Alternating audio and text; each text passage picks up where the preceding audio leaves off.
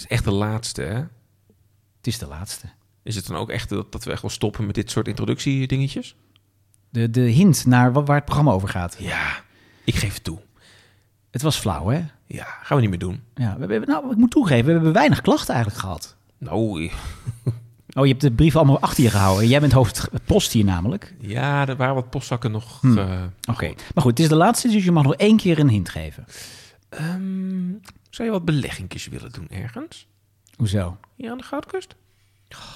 Dan geef je het al weg. Zonde.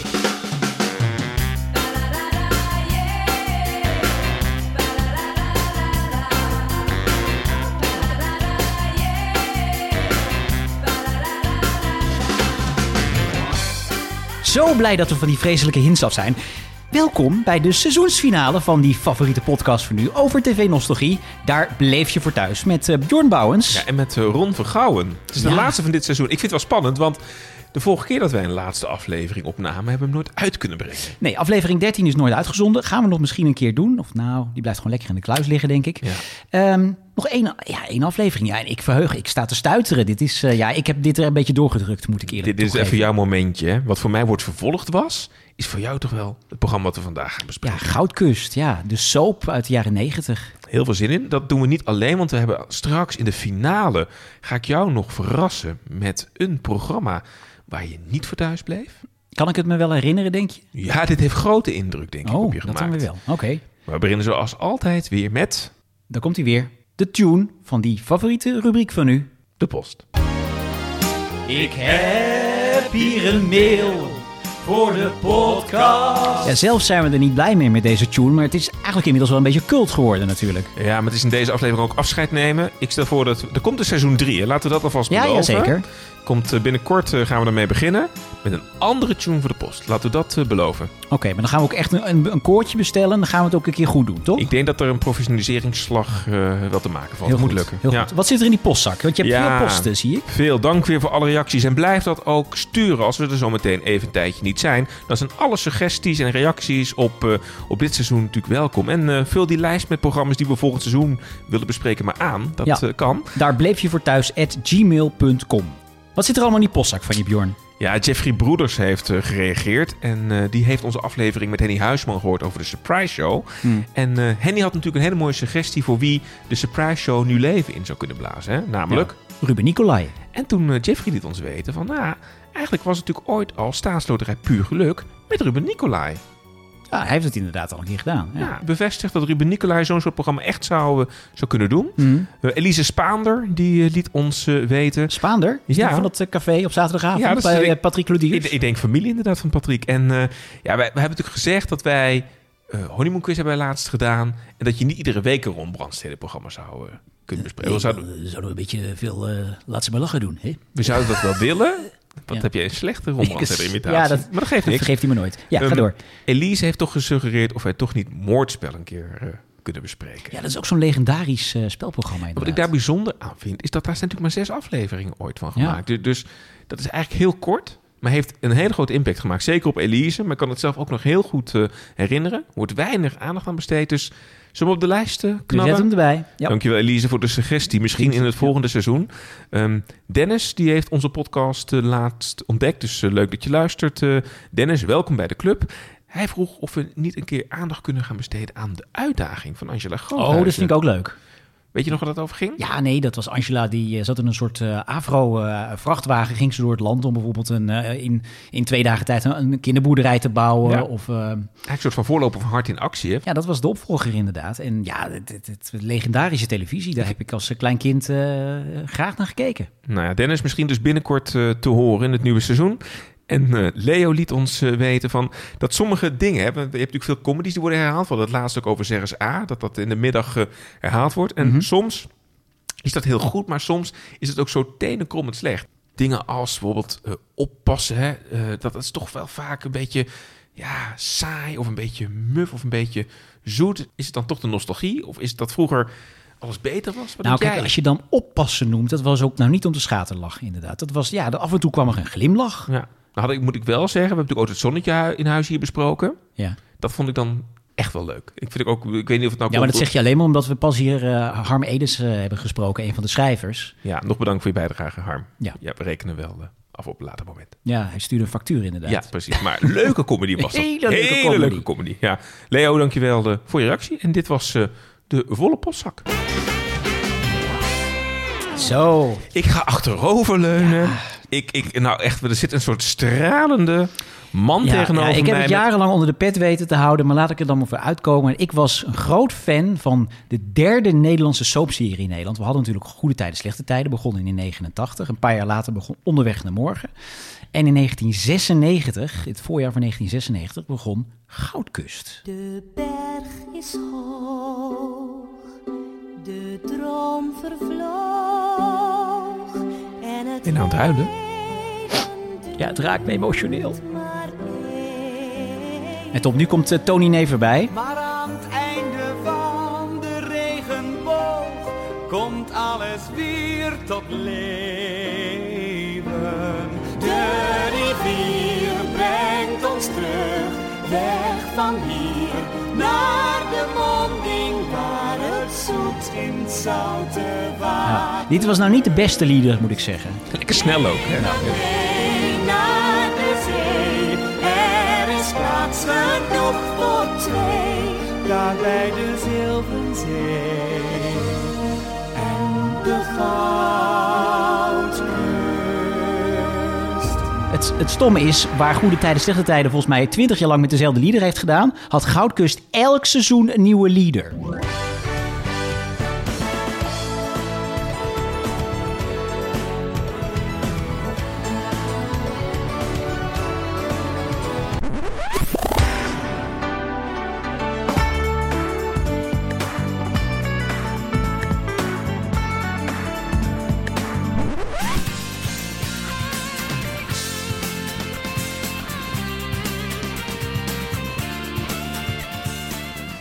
Wat was Goudkust? Nou, Goudkust was dus de derde Nederlandstalige soapserie. Ja, dat heb ik nu gezegd. Ik zou je Kom nou eens met een toevoeging. luisteren.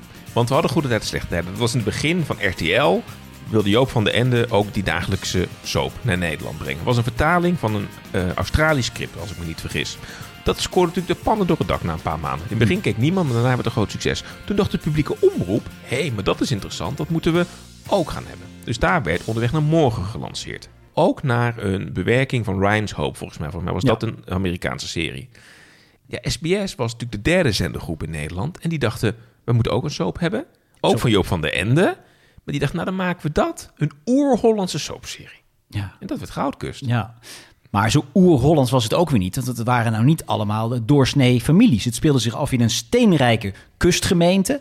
Eh, Duinwijk heette het. En daar had je vier eh, ja, eh, rijke families die elkaar kenden... doordat hun kinderen met elkaar in de klas zaten. De meest normale familie was denk ik de familie Zomers. Ja, zomers. Ja. ging iedereen soep eten volgens mij vrijdagavond. Volgens mij gebeurde dat alleen in de eerste aflevering. Want daarna had iedereen ruzie met elkaar. Ik ging er iedere week soep eten. Bij de familie Zomers. Weet je waarom dat trouwens de familie Zomers was? Nou, vertel. Omdat alle kleding van die familie gespo- gesponsord werd door Piet Zomers. De andere families niet. Dat weet ik niet, maar dat was wel een verwijzing naar de Nou, sponsor. dat- nou, goede deal was dat gewoon. Dan had je de familie Verwijden. Dat was een beetje de kille familie. Die mensen lagen ook in scheiding en zo. Dat, dat had iedereen ruzie met elkaar. Ja. Dat was ook een heel kil huis was dat. Dan had je nog eh, de familie Damancourt. Oh, Dat was eigenlijk alleen moeder en zoon eh, Tim eh Damancourt. En die woonden samen met zijn moeder. dat is toch die Maurice de Zeeuw, die, die binnenhuisarchitect jongen duurt. Ja, Michiel Ja? de Zeeuw. Ja, dat klopt. dat is de binnenhuisarchitect.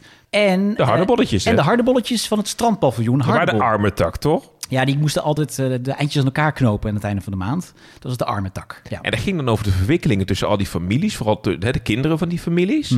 Maar even terug, hè? Ja. Want dan, dit was dan hè, de setting in een derde Nederlandse soap. Was jij nou al toen dit aangekondigd was groot fan? Dus wat was nou de reden Nou- waarom jij dacht? Ik probeer, ik heb dit gekeken, ik heb me erin verdiept vandaag voor jou. Hè, dus ik probeer echt mee te gaan in, in dit programma. Wat was dan, help mij, wat was het ding dat jou dan aansprak in Goudkust? Nou, ik, dat moet ik even terugkomen op iets wat ik eerder in deze podcastserie heb gezegd. Maak me gek. Eh, ik woonde samen met mijn ouders in een buitengebied. Wij hadden eh, geen eh, commerciële televisie de eerste paar jaar. Ja. Dus het begin van goede tijden, slechte tijden heb ik gemist. Oh, dus die sensatie was aan jou voorbij gegaan. En onderweg naar morgen heb ik op de een of andere manier ook gemist het begin. Meer en mensen. bij Alleen die Rut- derde- en alleen bij- heeft het gemerkt. Ja. En bij die derde dacht ik, nu zullen ze me niet hebben. Dus jij zat klaar. Ik zat klaar met chips voor de eerste aflevering van Goudkust en ik ben blijven kijken. Dus het was eigenlijk gewoon dat het überhaupt bereikbaar was. En ik was kijken. ook gewoon een beetje voor de underdog. Iedereen was voor goede tijden, slechte tijden. Toen dacht ik, nou, ik ben voor Goudkust. En daarbij, ik vond het ook wel leuk dat dit een soort Nederlandse dynasty was. Omdat het allemaal rijke families waren. Dus eh, ja, En die dat- boerderij van jullie was natuurlijk ook wel eh, redelijk goed eh, gevuld, toch? Het was een hele dure, goed gevulde boerderij inderdaad. Zullen we even luisteren hoe Joop van den Ende dan eh, ja, de serie introduceerde? Hoe Wat hij zei tegen de cast bij de start van de serie. Groots? Groots. absoluut ongewoon wat hier gebeurt. Dit is nergens zou het vertoond kunnen worden in de wereld dat je in zo'n korte tijd al die sets bouwt. En ik wil me nu even graag richten tot de acteurs die eh, de gezichten worden van onze nieuwe serie De Goudkust. Wees verstandig. Luister, laat je niet gek maken door niemand. Sta voor je productie. Heb respect voor elkaar, dan kan het bijna niet stuk gaan. Alle dingen zijn er om een succes te creëren. Het is vanaf nu in jullie handen. Ja, want het was natuurlijk wel een serie waar heel veel jonge acteurs in zaten. Die ook, eh, net als bij Goede Tijden, Slechte Tijden, in korte tijd tot ster eh, zouden moeten worden gebombardeerd. Zoals je bij Goede Tijden, Slechte Tijden had je Reinhard Arnie Oer- en Jessica Harms, zo heet ze. eh, Katja Schuurman. Katja Schuurman. Eigenlijk een beetje wat Herman Boerman overkwam zeg maar, bij de start naar Morgen. Als Frank Rijtsema, Nou, toch? er waren heel veel mensen die Herman Boerman boven hun bed hadden hangen. Ja. Weet heel je wat daarmee meisjes- gebeurde met Herman Boerman? Dat is even, even een zijstap. Ja, Mag maar het? we- we- even voor de luisteraar die denkt, we hebben ze het over. Dat was eh, Frank Rijtsema Onderweg naar uit morgen. Onderweg naar Morgen. Ja. En in aflevering 1 van Onderweg naar Morgen heeft Frank Rijtsma een scène. Dan valt hij van een trap. Ja. Dus Herman Boerman was heel blij. Hè? Die had dan de hoofdrol in Onderweg naar Morgen. De hunk van Onderweg De naar hunk. Morgen, ja. Dus hij valt van die trap. Hij wordt in het verband gelegd. En heeft de eerste 100 afleveringen van die serie... heeft hij dat bed gelegen. Zonder tekst. Oh, die arme Herman Boerman. Ja. We gaan een keer een Herman Boerman special Vind ik zielig. Dat vind ik gewoon sneu. Dat was bij Goudkust niet, toch? Nee, nee. Maar de grote ster daar was natuurlijk Harm. Ja, Winston, ik heb een nieuw horloge, toch? Toen al. Winston Kerstanovic inderdaad. Ja. En dat was een beetje ja, de speel van die vriendengroep. Was een beetje de kakker. Was ook het, Ja. het rijke luiszoontje. Want we hebben net al die families opgenoemd. Eentje hebben we nog niet genoemd. Namelijk de familie van Kloppenburg. Hij speelde Harm van Kloppenburg. Ehm, en hij was ja, een beetje de speel van die vriendengroep. En in aflevering 1 is er slecht nieuws. Want eh, ja, het, het meisje op wie Harm verliefd is, Mariette Somers... Ja. die heeft een, een 1 gekregen voor haar proefwerk. dus wat dachten ze? We gaan inbreken in die school. En dat idee krijgen ze als ze dus, daar heb je het weer, met elkaar aan de soep zitten. We moeten zorgen dat we in de archieven kunnen komen. Dan kunnen we Mariette's 1 veranderen in een 7. Joh, die lijst wordt toch gecheckt? Voor hij doorgaat naar het secretariaat, wordt hij echt niet meer gecontroleerd. Was het per ongeluk wel gebeurd, dan hangt Mariette helemaal. Veranderen we toch gewoon alle cijfers? Ene worden 8, de zessen ook. Dat maakt wel uit. Dan denken ze dat de Pierim zelf de kluts is kwijtgeraakt. Misschien ontslaan ze hem wel, helemaal ideaal. Ja, ik stem voor. De negen schenk ik graag aan het goede doel. Hé, hey, wie is er nog meer voor? Ja, ja. Ik heb niets te verliezen. Ja. Dat klinkt hij nog jong, hè? Winston Zeker. Kerstanovic. ja, tegen Femke aan de broeren, hè? Die speelde Mariette Somers. Ja, ja, ja. Daarna- Later, werd, later werd dat Vrouwtje de Bot. Ja, ik vond Femke aan de broeren, vond ik dat... Ja, ik heb het gezien. Ik vond... eh, Nou, maar daar hebben we nooit meer wat van gehoord. nee, nee. Terwijl, ja, Vrouwtje de Bot maakt gewoon eh, eigen huis en tuin. Maar, maar Ron, dus, dus kinderen die in proefwerk gaan... Ja, dat was ook een hele slechte start. Echt, ik heb bedoeld, moet- dit is zo'n soap. Dus zeg maar, als je erin valt, moet je even een paar afleveringen doorzetten, want anders ben je weg. Had ik ook bij Onderweg naar Morgen, maar ik dat toch parallel weer trekken. Ja, maar je weet wel behoorlijk veel van onderweg naar morgen. Ja, eh, hadden we kom- misschien beter kunnen. Maar ik, ik breng het toch in. Weet je dat ze in Onderweg naar Morgen op een gegeven moment een scène hadden... dat dan René Kouwenberg van een biggetje moest bevallen? Dat vond ik zo'n waanzin. Toen ben je afgehaakt. Toen ben ik afgehaakt. Had hier ook kunnen gebeuren, hè, bij dat proefwerk. In de Goudkust, ik bedoel, Goudkust was niet echt de meest kwalitatieve soap, maar er is Geen er is geen dat is toch raar? Kijk, als iemand van de trap afvalt en 100 afleveringen blijft liggen. Oké, maar een biggetje bevallen vind ik gewoon raar. Dat is ook raar. Wat was er nog meer in Goudkust rondgehouden? Nou, ik wil even terug naar Harm en Mariette. Want Harm en Mariette, dat was een beetje het droomkoppel van de serie. Ja? Want eh, Dat waren de Arnie en Linda ja, ze waren ook van eh, Goede Tijden Slechte Ja, ze waren ook buren van elkaar, want de familie eh, Zomers en de familie van Kloppenburg waren buren van elkaar. De eerste afleveringen ging het eigenlijk ook alleen maar over het feit dat ze ruzie hadden omdat ze het vel verkeerd hadden buiten gezet met elkaar. Maar goed, uiteindelijk bloeit er een soort ja, eh, liefde op tussen Harm en Mariette. En volgens mij drie seizoenen later pas of zo komt er dan eindelijk het aanzoek van Harm die eh, Mariette ten huwelijk vraagt. Oh. Mariette, Ja? jij bent altijd trouw gebleven aan wat wij hadden. hebben. En dat is heel veel liefde. Wil je met me trouwen? Trouwen? Vind je het nog te vroeg dan? Misschien na je vaders dood. Lekker praktisch. Weet je, Maar we kunnen het wel uitstellen anders. Vraag het dan niet. liever natuurlijk wil ik met je trouwen. Nou, dat zie je nooit een Louis d'Or voor hebben gewonnen, hè? Maar was het nou een beetje een succes dan ook in het begin? Nou, die, die, die eerste weken natuurlijk niet, want SBS dat was een, een kleine zender nog. 1996 was net begonnen. En eigenlijk was het ook een beetje ja, vreemde eend in de bijt. Want SBS deed, in tegenstelling tot RTL en zo en Veronica... eh, ja, die hadden allemaal echt andersoortige programma's. Over de rooien, denk ik, hè? Over de rooien en de, de, de nachtrijder. Broodje aapshow. Hart van Nederland. Het waren allemaal programma's die we eigenlijk niet kenden in Nederland. Maar dit was gewoon echt een Joop van de Ende dramaproductie. Het was eigenlijk een hele vreemde eend in de bijt bij eh, SBS 6. Uiteindelijk, na nou, anderhalf jaar of zo, werd het een redelijk succes. En keken er gewoon elke dag een half miljoen mensen naar Goudkust. En dat was eigenlijk voor SBS-begrippen eigenlijk best goed. Ja, hoor. alleen ja, het was een hele dure serie natuurlijk. Nou goed, daar komen we later op terug, dat het daardoor gesneuveld is, omdat het zo duur was.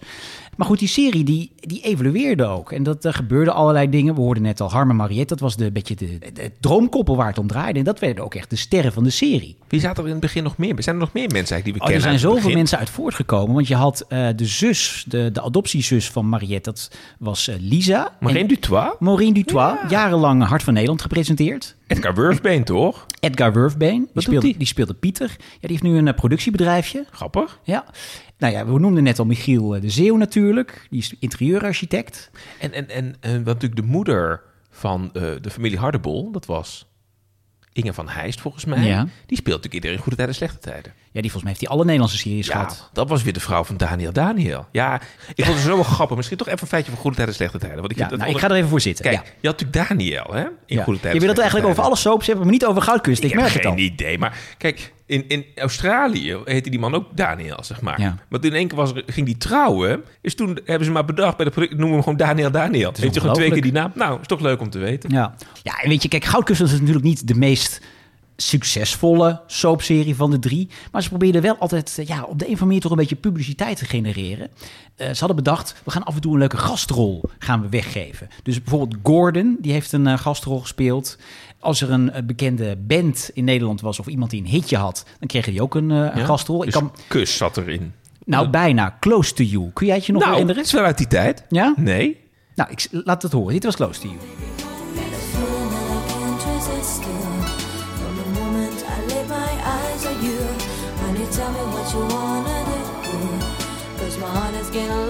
Oh ja, ja.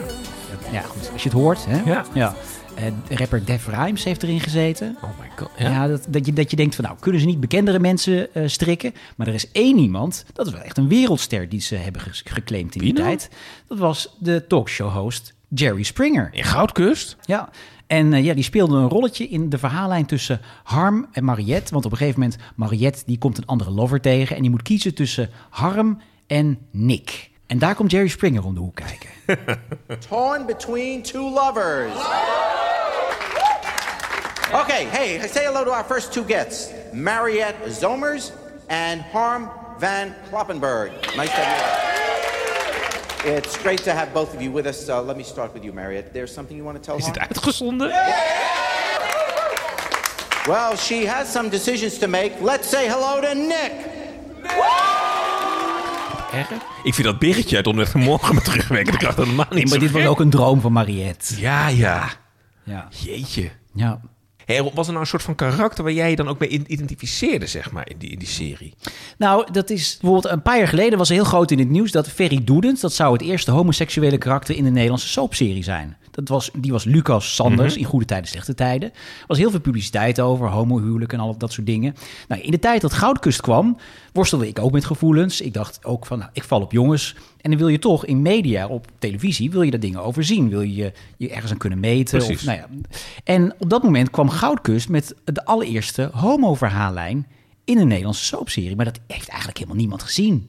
Maar voor jou was dat dus grote Ik impact. heb, maar, ja, nee, dat, ik heb er erg van genoten. Want nou, ik herkende dus eindelijk de worsteling van de gevoelens van een jongen in een eh, verhaallijn in een soapserie. Grappig zeg. En dat was in dit geval Michiel de Zeeuw, die dus al van het begin af aan in zat.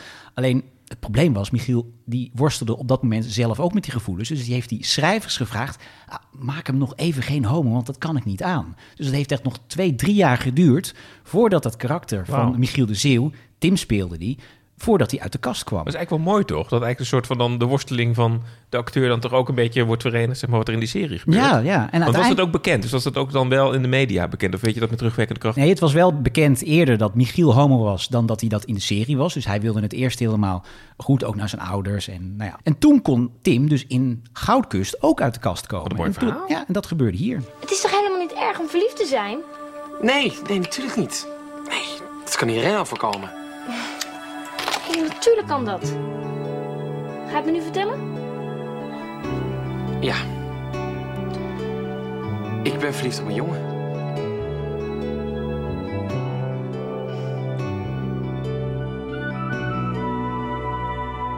Die muziekjes trouwens, maar goed. Ja, het wordt echt neergezet alsof hij een criminele bekentenis die heeft muziekjes gedaan. zijn bijzonder. Ja. maar, ja, nee, maar op dat moment dacht ik van, oh, het bestaat. Ik ben niet de enige. Dus Wat dat, dat, ja, dat heeft mij wel geholpen ook in ja, mijn zelfacceptatie. Dus daar ben ik Michiel de Zeeuw. eh, Als je luistert, Michiel, Michiel luistert altijd onze podcast.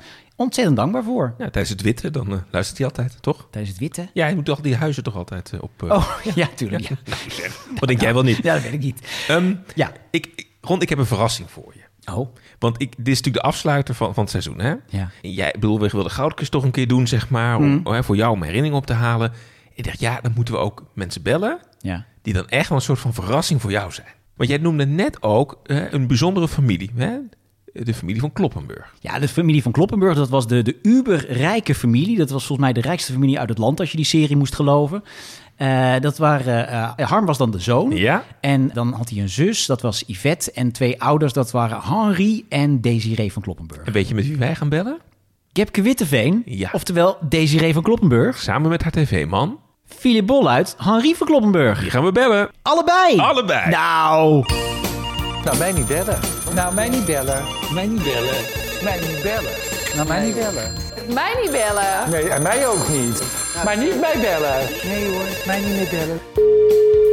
Nou, dure aflevering, twee mensen bellen. Wat het kostte. Ja. Ja, hallo. Met Kepke? Gepke, goedenavond. Met Bjorn en Ron van de podcast Dat Bleef Je Voor Thuis. Philip Bolluit is hier, ja. Dag Goedenavond. Eh, Hallo Gepke, wat lang geleden. Hi, Philip. Ja, zeker. Lang geleden.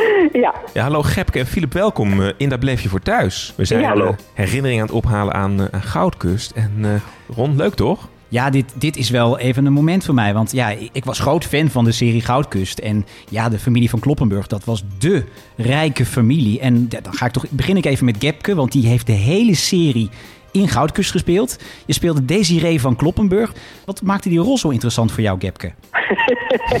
nou ja, ik moet je eerlijk zeggen, het eerste jaar dat ik eh, meedeed met, eh, met, met Goudkust, toen eh, had Desiree helemaal nog niet zoveel verhaallijnen. Want dat, dat gaat in een soap altijd per verschillende personages en dat wordt dan allemaal uitgebreid beschreven.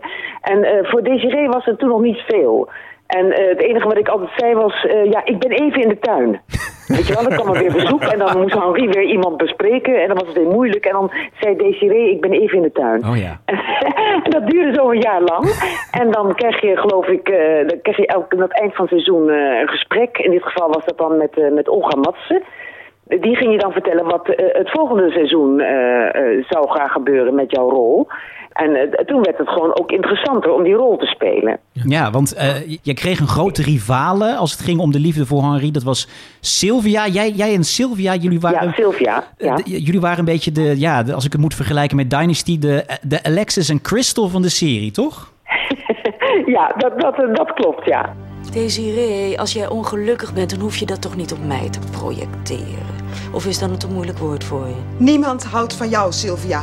Het enige wat jij kunt, is met mannen het bed induiken. Meer willen ze niet van je. Alleen seks. En Henri is voortdurend op zoek. Waarom is dat, denk je? Jij hebt je aangeboden presenteerblaadje. Hij was zwak. Zwak? Niks van gemerkt, Desiree. Ik denk dat ik in die korte tijd meer met hem heb gevreden dan jij in je hele huwelijk. Kom nou zeg. De enige reden waarom die bij jou is, is omdat ik hem heb gedumpt. Getrouwd met Henri van Kloppenburg, de grote slechterik. Ja, ik bedoel, je kunt hem toch ook een beetje vergelijken met, eh, met Ludo Sanders in Goede Tijden, Slechte Tijden. De, de Ja. slechterik die daar al 30 jaar eh, meegaat. Maar eh, ja, waarom zat zo, Desiree nou zo vast aan die man, aan Henri van Kloppenburg? Nou ja, ze, ze, ze hield wel van die man. En ik denk dat ze in het begin niet zo in de gaten heeft gehad eh, hoe slecht hij eigenlijk was. En wat die allemaal eh, uitvrat eh, achter haar rug. Want Philip, hoe was het voor jou? Want- jij eh, bent natuurlijk niet vanaf het begin in de serie te zien geweest. Je hebt die rol overgenomen. Hoe was het voor jou om, om in die, nou, in die soap je, je, je rol te gaan vervullen? Ja, dat is krankzinnig, want ik ben echt op het een of andere moment ben ik smiddags gebeld op een maandag. Of ik de andere dag eventueel interesse had om, of ik mee wilde doen. En eh, ja, die heeft me toen verteld waar het over ging, want ik had de serie nooit gezien. En eh, ik moest voor de dag later 20 scènes uit mijn hoofd leren. En ik ben de andere dag eh, op de set verschenen. Ik wist niets van de serie. Men moest mij alles duidelijk maken. Krankzinnig en spannend. Klikt het eh, tussen jullie? Want dan kom je in één keer in eigenlijk een soort van fabriek hè, die, die al draait. En hoe was die Ja. chemie tussen jullie vanaf het begin? Nou, wat mij betreft heel groot. En was dat uh, vond het verschrikkelijk, Tussen denk Philip en ik. mij? Ehm, nou, ik, ik, ik speelde de rol dus eerst met Rutger Weemhoff. Dat was de eerste eh, Henri. En, ehm, maar die, die kreeg eh, ja, fysieke problemen, dus het was eh, heel lastig voor hem om die rol te blijven spelen. En eh, toen kwam Philip, maar dat was eigenlijk meteen prima in orde. Want Philip is natuurlijk een, een, een heel goed acteur. Dus het is heel, heel prettig om met zo'n iemand te werken. En daarnaast gewoon ook een, een hele aardige collega. Nou, in die allereerste scène waarin jullie allebei speelden, dus waarin jij, Philip, de rol van Henri hebt overgenomen eh, en speelt met Desiree van Kloppenburg, eh, met Gepke, heb ik hier gevonden. Laat ik even horen. Er is maar één man van wie ik hou, en dat ben jij. We kunnen alles wat we hebben toch niet zomaar opgeven? Alles wat we hebben, elkaar, onze kinderen. Onze kinderen. Jouw kinderen. Yvette, die zich stort in de armen van de man die... Erik betekent niets meer voor me, Daar geloof gaat het me. niet om. Erik heeft mij een miljoen afhanden gemaakt. Pakt nu op de koop onze dochter in. Hoe kan je van mij verlangen dat ik leidzaam toezie hoe zij gewoon met hem doorgaat? Wat is het geheim van een goed tv-huwelijk? Dus, dus- dus waar moet dat dan een beetje aan voldoen? Aan, aan wat een eh, goed TV-huwelijk? Zoals in een gewoon huwelijk gewoon dagelijks met elkaar kunt, kunt optrekken. Een hele dag, zonder dat je je eigenlijk aan, eh, aan elkaar ergert.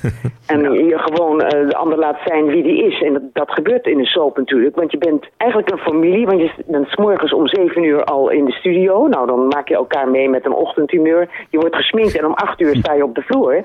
Nou, dat soort dingen. eh, als je dat dagelijks meemaakt met elkaar, hoe, eh, hoe, ja, hoe mensen zijn, dan groei je wel naar elkaar toe. Je, je, je moet ook ja, oog voor elkaar hebben. Bedoel, wie heeft het moeilijk? Waar gaat de scène over? Wat willen we vertellen? Wat is er aan met ons de hand? Elkaar de ruimte geven om dingen eh, goed te kunnen spelen. En eh, elkaar stimuleren. Dat soort dingen. Het is heel prettig. Want dat is niet altijd zo. En dat hadden wij wel. Wij gingen scènes samen spelen. En het ging nooit om de een of om de ander. Je stond samen in een scène. En eh, samen maak je scène beter dan in je eentje. Dat was eh, altijd aan de orde. Ja. Een van de, ja, de dingen die, die Henri wel karakteriseerde... was dat hij altijd mensen manipuleerde. Altijd de mensen naar zijn hand wist te zetten. Ik wil even een stukje laten horen. Dat was namelijk, jullie hadden samen een dochter, Yvette... en die ging trouwen met de man waarvan bleek dat hij eh Desiree ooit had ontvoerd. En toen dacht Henri, nee, die man die mag nooit met mijn dochter trouwen. Ik ga ervoor zorgen dat hij nee zegt... en dat hij ook nog in de gevangenis belandt op de bruiloft. en eh, ja, en eh, dat klonk zo. Mijn antwoord is nee. Ik trouw niet met je. Meneer Van Overheem. Dat ben ik. U bent gearresteerd op verdenking van de ontvoering van mevrouw Desiree van Kloppenburg. Wat? Wilt u met ons meekomen? Nee, niet, Yvette. Help mij! Yvette? Dames en heren, wilt u alstublieft gaan zitten? Ik begrijp dat u allen in verlegenheid bent gebracht, maar wij konden dit helaas niet voorkomen. Pas gisteren hoorden wij dat Erik van Overeem de man was naar wie wij zo'n kleine twee jaar op zoek zijn. Hij was degene die destijds mijn vrouw ontvoerd heeft. Om geen argwaan te wekken bij haar verloofde, wilde mijn dochter dat de feestelijkheden absoluut door zouden gaan. Zij gaf mij te kennen niet alleen geschokt te zijn, maar ook opgelucht. Zij is blij dat haar een huwelijk bespaard is gebleven, dat haar alleen maar ellende zou hebben gebracht.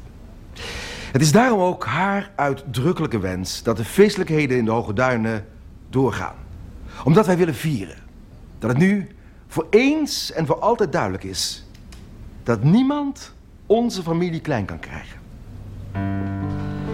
Helemaal niemand.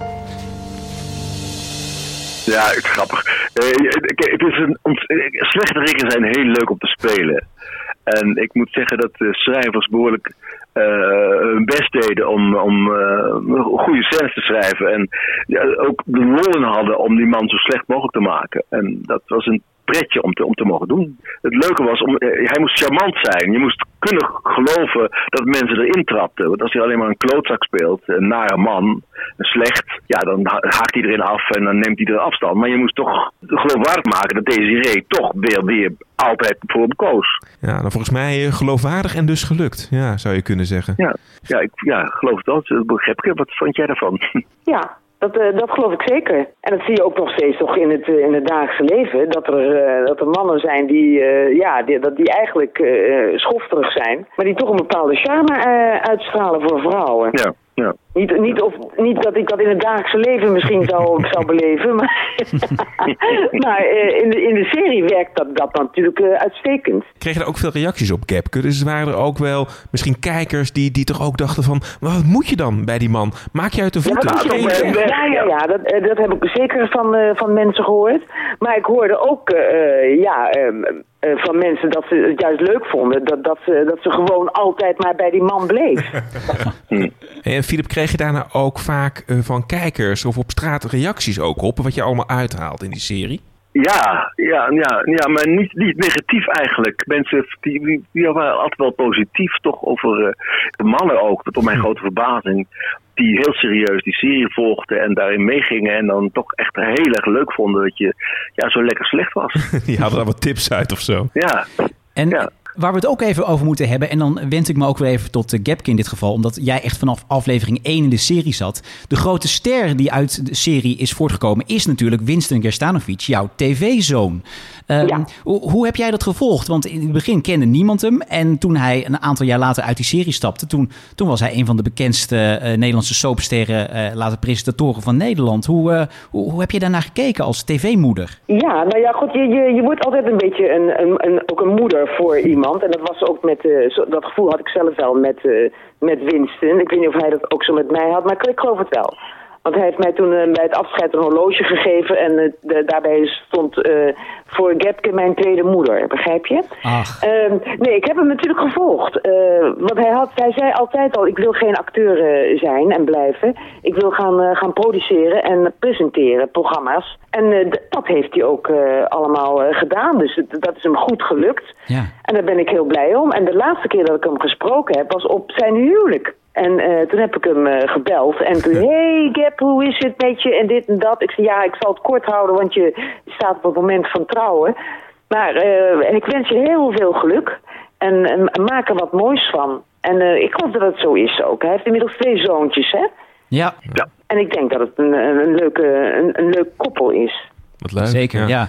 En um, uh, Philip, je hebt niet alleen met Winst alleen maar gespeeld, maar ook met een aantal andere hele jonge acteurs. En, en jij en Gepke waren toch de, de ja, meer ervaren uh, acteurs in deze serie. Hoe gingen jullie daarmee om? Want jullie waren ook eigenlijk een beetje de, ja, de, de trainers, de docenten van sommige mensen met heel weinig uh, acteerervaring, lijkt me. Ja, nou ja, ik, ik, ik vond het heel leuk om, uh, om, daarmee te maken te hebben. Uh, in de zin van dat mensen open stonden en wilden leren. In eerste instantie. Er waren af en toe uitzonderingen van die mensen die eigenlijk meededen omdat ze graag beroemd wilden zijn. En niet zo goed begrepen dat je ja, behoorlijk hard moet werken om om goed te presteren. Want je werkt onder hele hoge druk. Er moet heel veel gedraaid worden in korte tijd.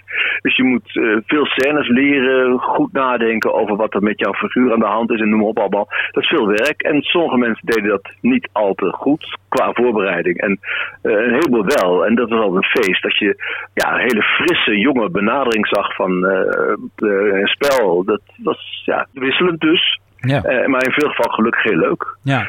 Tot slot, de serie is na vijf jaar uh, geëindigd. Uh, vonden jullie dat jammer of hadden jullie nog wel tien jaar met elkaar kunnen doorspelen? Ik, ik stel de vraag eerst aan Filip. Ja, ja, in eerste instantie vond ik het zeker jammer. Aan, aan, de andere kant was ik ook wel blij, omdat er werd zo gerotzooi met de serie. Van Fox naar terug naar SBS en op andere tijden, uitzendtijden. Dus dat, daar was ik niet echt blij mee. En dat scheelde ook steeds kijkcijfers. Mensen mensen die afhaakten omdat we weer ineens een andere tijdstip en allemaal andere zender stonden. Dus dat- het was nogal rommelig. Dus in die zin was ik iets van jongens, nou laat maar stoppen. Als er zo respectloos mee omgegaan wordt, dan moeten we maar mee ophouden. Dan moeten we iets anders van gaan maken. Misschien wel goed geweest dat het uiteindelijk toch op deze manier dan maar geëindigd is. Ja. Kepke, hoe keek jij naar het einde van Goudkust? Want dat, dat, was, dat was behoorlijk impactvol volgens mij. Want jij hebt er vijf Ja, jaar in nou ja. gezeten. Ik heb een, een, wel een, een tijd lang nodig gehad om, om af te kicken. Want je bent toch een soort familie eh, met elkaar. Als je zo intens elke dag, eh, jaar in jaar uit eh, met elkaar optrekt. En, en allerlei dingen van elkaar ook meemaakt, ook privé dingen. Dan, dan ben je een soort familie. En als je dat dan ineens dat wegvalt. Dan, eh, ja, daar heb ik wel, ja, ik wel, eh, wel een paar maanden van moeten afkicken hoor. Ik vond het echt jammer, want, want ik miste de anderen wel. En aan de andere kant is het, biedt het ook weer gelegenheid voor, eh, voor andere initiatieven en andere dingen die dan op je weg komen. Dus dat is, dat is altijd goed. En je weet ook in dit vak, het is niet voor eeuwig hè. Ik bedoel, alle ja, contracten die je hebt met elkaar, dat is altijd voor de, voor de duur van de rol. dus dat weet je. Maar dit, in dit geval was het vijf jaar, dat was lang. En eh, ja, ik, ik heb dat met heel veel, eh, veel plezier gedaan. Ja, maar kost het dus ook wel wat tijd om Desiree toch eh, achter je te laten uiteindelijk. Ja, maar ook gewoon de, de, de mensen met wie je zo, zo optrok, die, die, die miste je dan wel echt, ja. Mooi. Heel erg bedankt dat, dat we met jullie toch herinneringen op mochten halen vandaag aan, aan die mooie tijd. En eh, nou, fijn om, om Henri en Desiree weer voor heel even met elkaar herenigd te hebben. En leuk met jullie gesproken te hebben. Nou, wederzijds. En heel erg bedankt voor jullie moeite. Graag gedaan. Tot ziens. Nou, dit was wel een verrassing op, Jorn. Wat Ja. leuk. Vind je het leuk? Ja, nee, ik, heb hiervan, ik vraag me af hoeveel luisteraars we nog over hebben. Maar ik heb ervan genoten. Maakt toch niet uit? Het is, Ja. eh, het is, jouw, eh, het is Ja. een beetje jouw Ja. aflevering. We moeten nog even afmaken hoe het dan met die serie gegaan is. Want, Ja, want Philip vertelde daar al iets over. Hè? Dat, Ja. werd, dat werd een beetje rommelig, toch? Want SBS die begon op, heeft op een gegeven moment de stekker eruit getrokken. SBS 6, die dachten we zien er geen eh, hel meer in. De kijkcijfers, ja, ik bedoel, het, het was redelijk stabiel. 500.000 kijkers, komt er tegenwoordig maar om. Maar het was gewoon een hele dure serie. Dus dat is eigenlijk de reden geweest dat SBS 6 ermee gestopt is. En toen kwam als ja, een duveltje uit een doosje kwam in, in die tijd nieuwe Nederlandse zender, Fox. Die heeft de soapserie toen overgenomen. En eh, ja, daar was, daar waren de mensen natuurlijk ontzettend blij mee. Ik hou het niet voor me, we gaan door.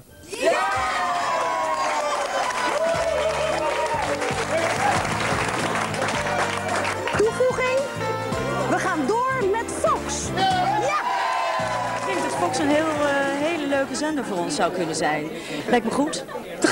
Oh, super. Ik bedoel, al die leuke mensen, dat ik daar nog mee mag werken, vind ik echt eh, een cadeautje. Yes! Veranderde die serie ook naarmate het naar die andere zender ging? Ja, want er waren wel wat eh, strubbelingen geweest voordat het naar Fox kon. Want, want eigenlijk wilde niemand de serie overnemen. Er waren onderhandelingen geweest met RTL 5. Er waren onderhandelingen geweest met de NCRV. Oh. Drie keer raden waarom de NCRV het niet wilde doen. Het was niet eh, christelijk genoeg? Nee, er zaten, er zaten homo's in de serie. Oh, ja, echt? Dat, ja, dat is Was echt waar. nog? Dat is de reden geweest Ik vind dat... dat zo gek. Oh, terwijl ook Jos Brink natuurlijk toch het icoon was toch van de NCV. Ja, maar... ja, nee, maar ze hebben wel gezegd: oké, we willen de serie overnemen, maar dan willen we niet geen expliciete homo-verhaallijnen erin hebben. Nou ja, toen heeft Joop gezegd: dan doen we het niet. En toen werd het Fox. En toen werd het Fox. En eh, ja, Fox had natuurlijk ook wel het een en ander in de melk te brokkelen. Men wil hem eh, toch wat brutaler, wat, ja, wat smaakmakender nog hebben.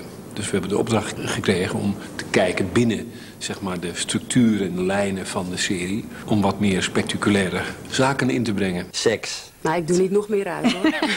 dat ik al uit weet.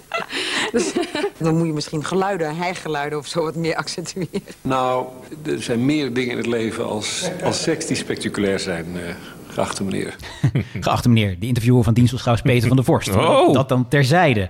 Ja, dus die homo-verhaallijn die ging gewoon door in Goudkust. Er kwamen inderdaad meer seksscènes. Het werd een, er werd geëxperimenteerd, er werden gekke dingen gedaan. En die we later eigenlijk allemaal in die andere soapseries hebben teruggezien.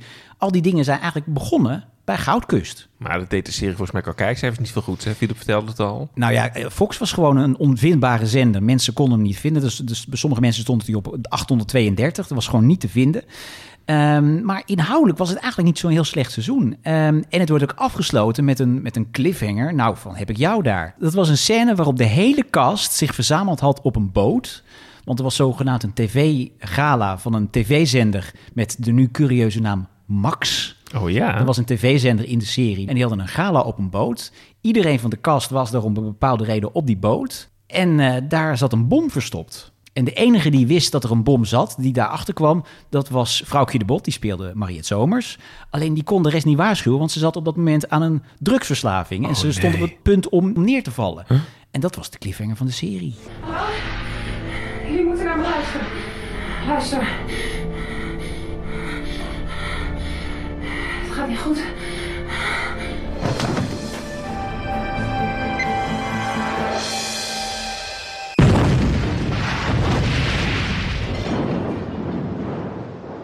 Nou, en toen konden de contractonderhandelingen gaan plaatsvinden. Ja, en toen? Ja, er zijn een heleboel vaste karakters hebben het, eh, het schip verlaten. Letterlijk, hè? Ja, Hm. ja eh, toen is het nooit meer goed gekomen. Toen is er nog een half seizoen is nog uitgezonden. Toen is het verhuisd naar Net 5, want Fox werd het opgedoekt. eh, toen we weer naar SBS 6. Het is allemaal, ja, er is inderdaad heel slecht met die serie omgesprongen. Wat jammer. Ja. En toen moest er dus hals over kop ook een einde aan de serie geschreven worden. Hoe werd dat dan gedaan? Ja, toen hebben ze in één week hebben ze nog wat scripts herschreven. En in de laatste aflevering kwamen alle karakters bij elkaar in een café. En was een van de karakters was een soort alwetende engel geworden of zo. Ja, het ging allemaal Oh nergens meer over. En die moest je- even alle eindjes aan elkaar knopen. Net zoals dat bij Lost op een gegeven moment moest. Ja, klopt. Heb je het laatste Ja. seizoen van Lost gezien? Nee, dat weet ik nooit. Eh, Ik heb het wel gehoord, maar ik heb het nooit gezien. Nou, en terecht. Want dan moest het ook als een soort... Bij... Dat kwam echt nooit meer bij elkaar. Het was echt eh, Ja, vreselijk. want we hebben nog in seizoen 1 hebben we Medisch Centrum West ooit behandeld. Ja. Die hebben er een hele leuke eindaflevering nog van weten te Virus in dat ziekenhuis. Ja, maar die konden er ook een hele tijd aan toeschrijven. In, bij Goudkust moest in één week moesten al die scripts herschreven worden. Vond ook zo mooi dat me- bij Medisch Centrum West was aflevering 100 ook echt de laatste. Hmm. En dit bleef dan steken op 925? 925. Ja, dat is ook net geen duizend, Ja, zeg maar. Nee, dat de schrijvers waren al bezig met een, grote finale in, eh, in aflevering 1000. Ja. Maar die hebben ze dus nooit gehaald. Nee, 925 was de laatste.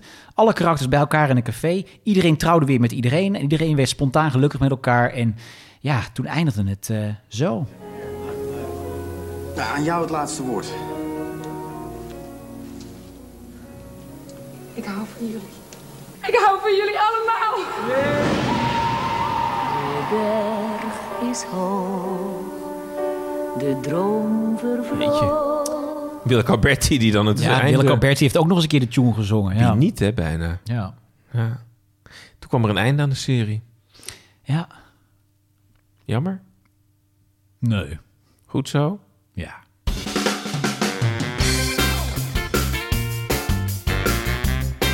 Ja, Goudkust, Ron. Ja, ik, ik heb hiervan genoten. Blijven we daar nou nog steeds voor thuis? Nee, tuurlijk niet. En met terugwerkende kracht was het natuurlijk... Ja, als je die, die dialogen hoort, was het ook heel slecht. Ook als je het nu vergelijkt met... Ik, ik, ik, nog wel eens voorbij goede tijden, slechte tijden nu. Dat is al zoveel beter dan dat het 20 jaar geleden was bij het einde van Goudkust.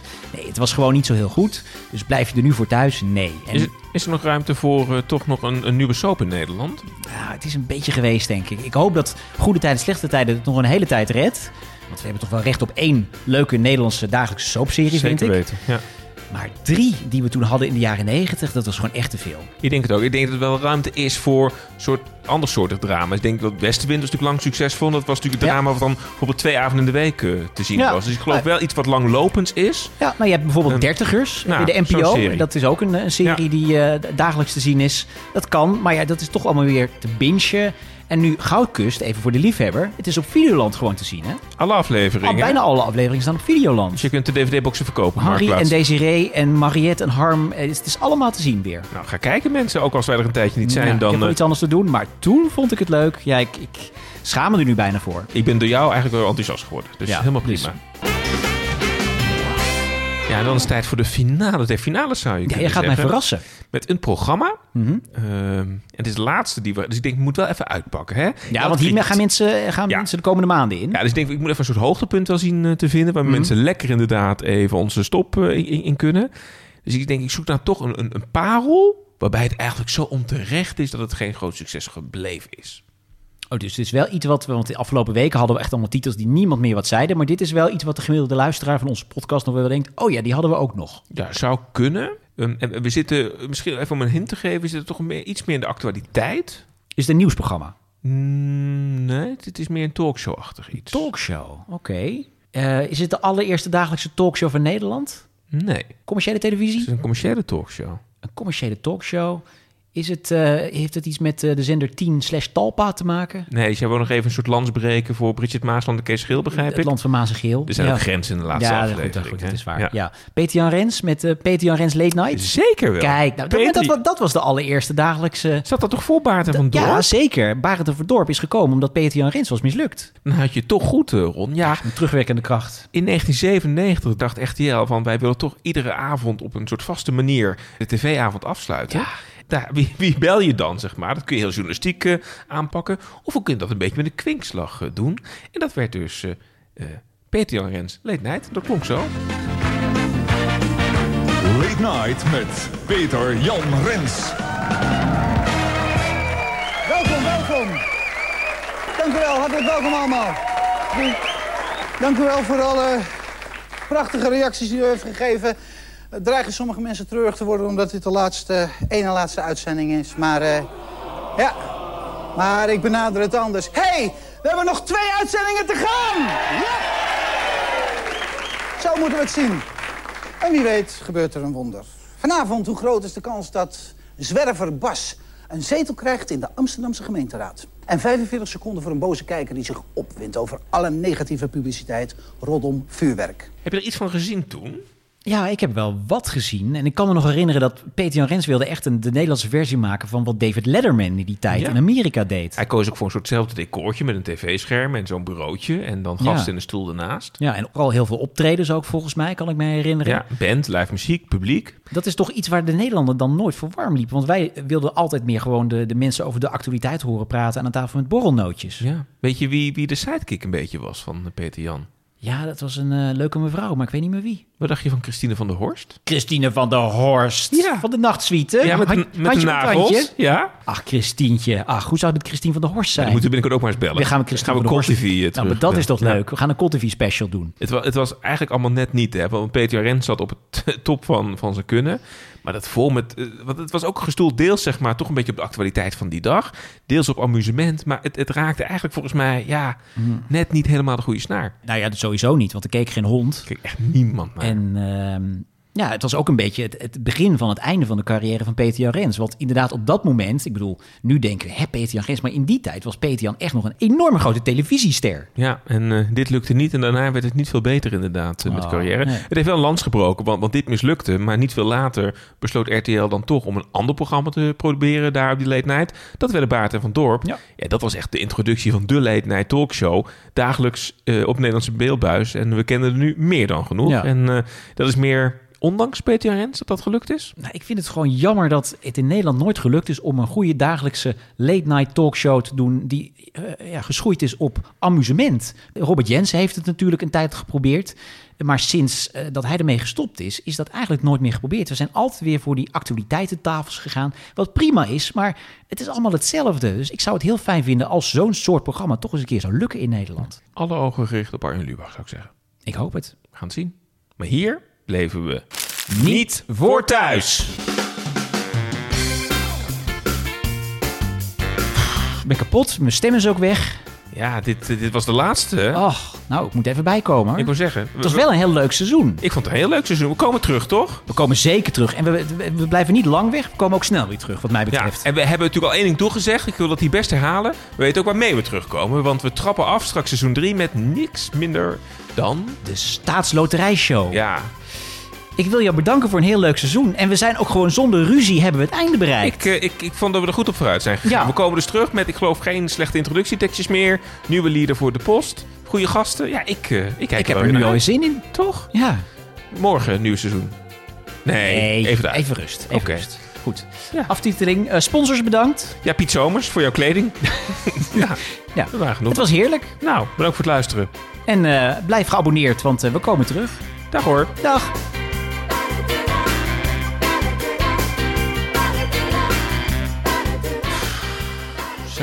Hoeveel dvd's van Goudkus liggen hier al niet?